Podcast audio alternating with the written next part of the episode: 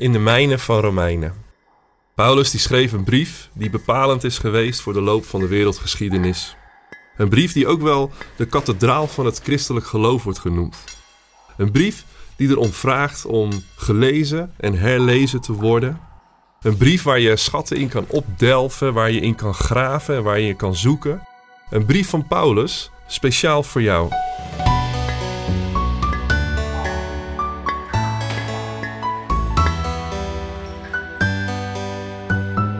We gaan in deze podcast mijnen in Romeinen.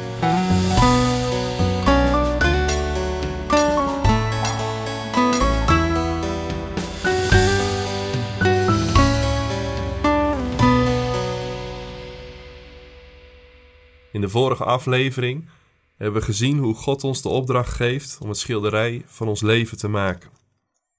Vandaag pakken we de draad op en beginnen we aan Romeinen hoofdstuk 4. Wat moeten wij nu zeggen over onze stamvader Abraham? Indien hij als een rechtvaardige zou zijn aangenomen op grond van zijn daden, dan had hij zich daarop kunnen laten voorstaan. Maar niet tegenover God. Want wat zegt de schrift?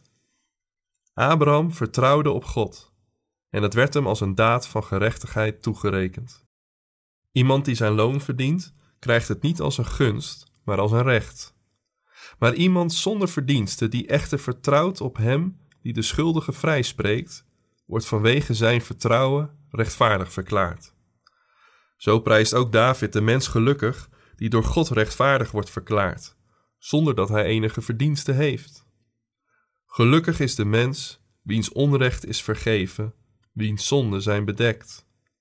Gelukkig is de mens wiens zonde de Heer niet telt. Prijzen deze woorden een besneden of een onbesneden mens gelukkig? We zagen al dat Abrahams vertrouwen hem werd toegerekend als een daad van gerechtigheid. Maar wanneer gebeurde dat? Toen hij al besneden was of daarvoor? Het laatste, toen hij nog niet besneden was. De besnijdenis ontving hij later als een bezegeling en teken dat hij als onbesnedene rechtvaardig was, omdat hij op God vertrouwde. Zo werd hij de vader van alle onbesnedenen die geloven, zodat ook zij als rechtvaardigen konden worden aangenomen.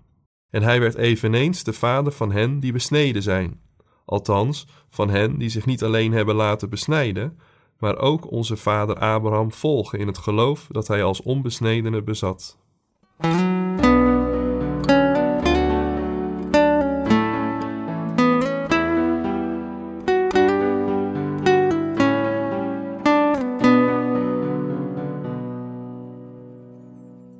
Elke cultuur kent zo haar helden. Helden die de cultuur waarin zij zelf leefden ontstegen zijn en daar vandaan een nieuwe norm in het leven hebben geroepen, een nieuw paradigma geopend hebben en daarmee een referentiekader werden in eigen persoon.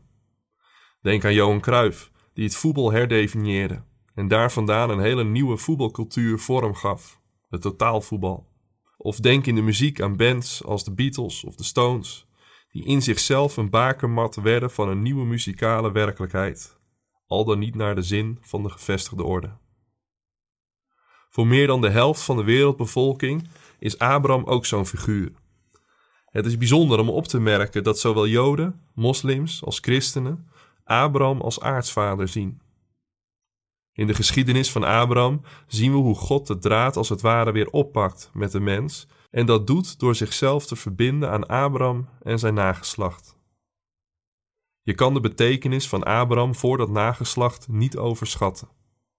De bevoorrechte positie van het volk Israël als het verbondsvolk van God kwam voort uit de belofte die God aan Abraham gedaan heeft.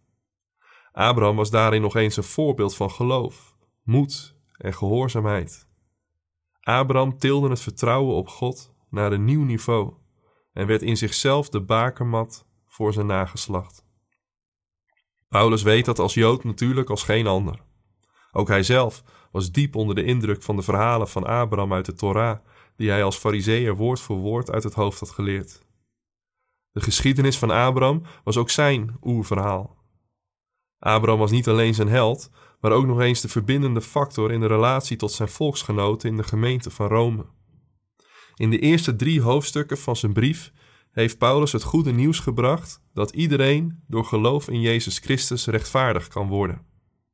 Ik vind het tamelijk briljant dat Paulus nu juist Abraham aanvoert als illustratie van zijn argument.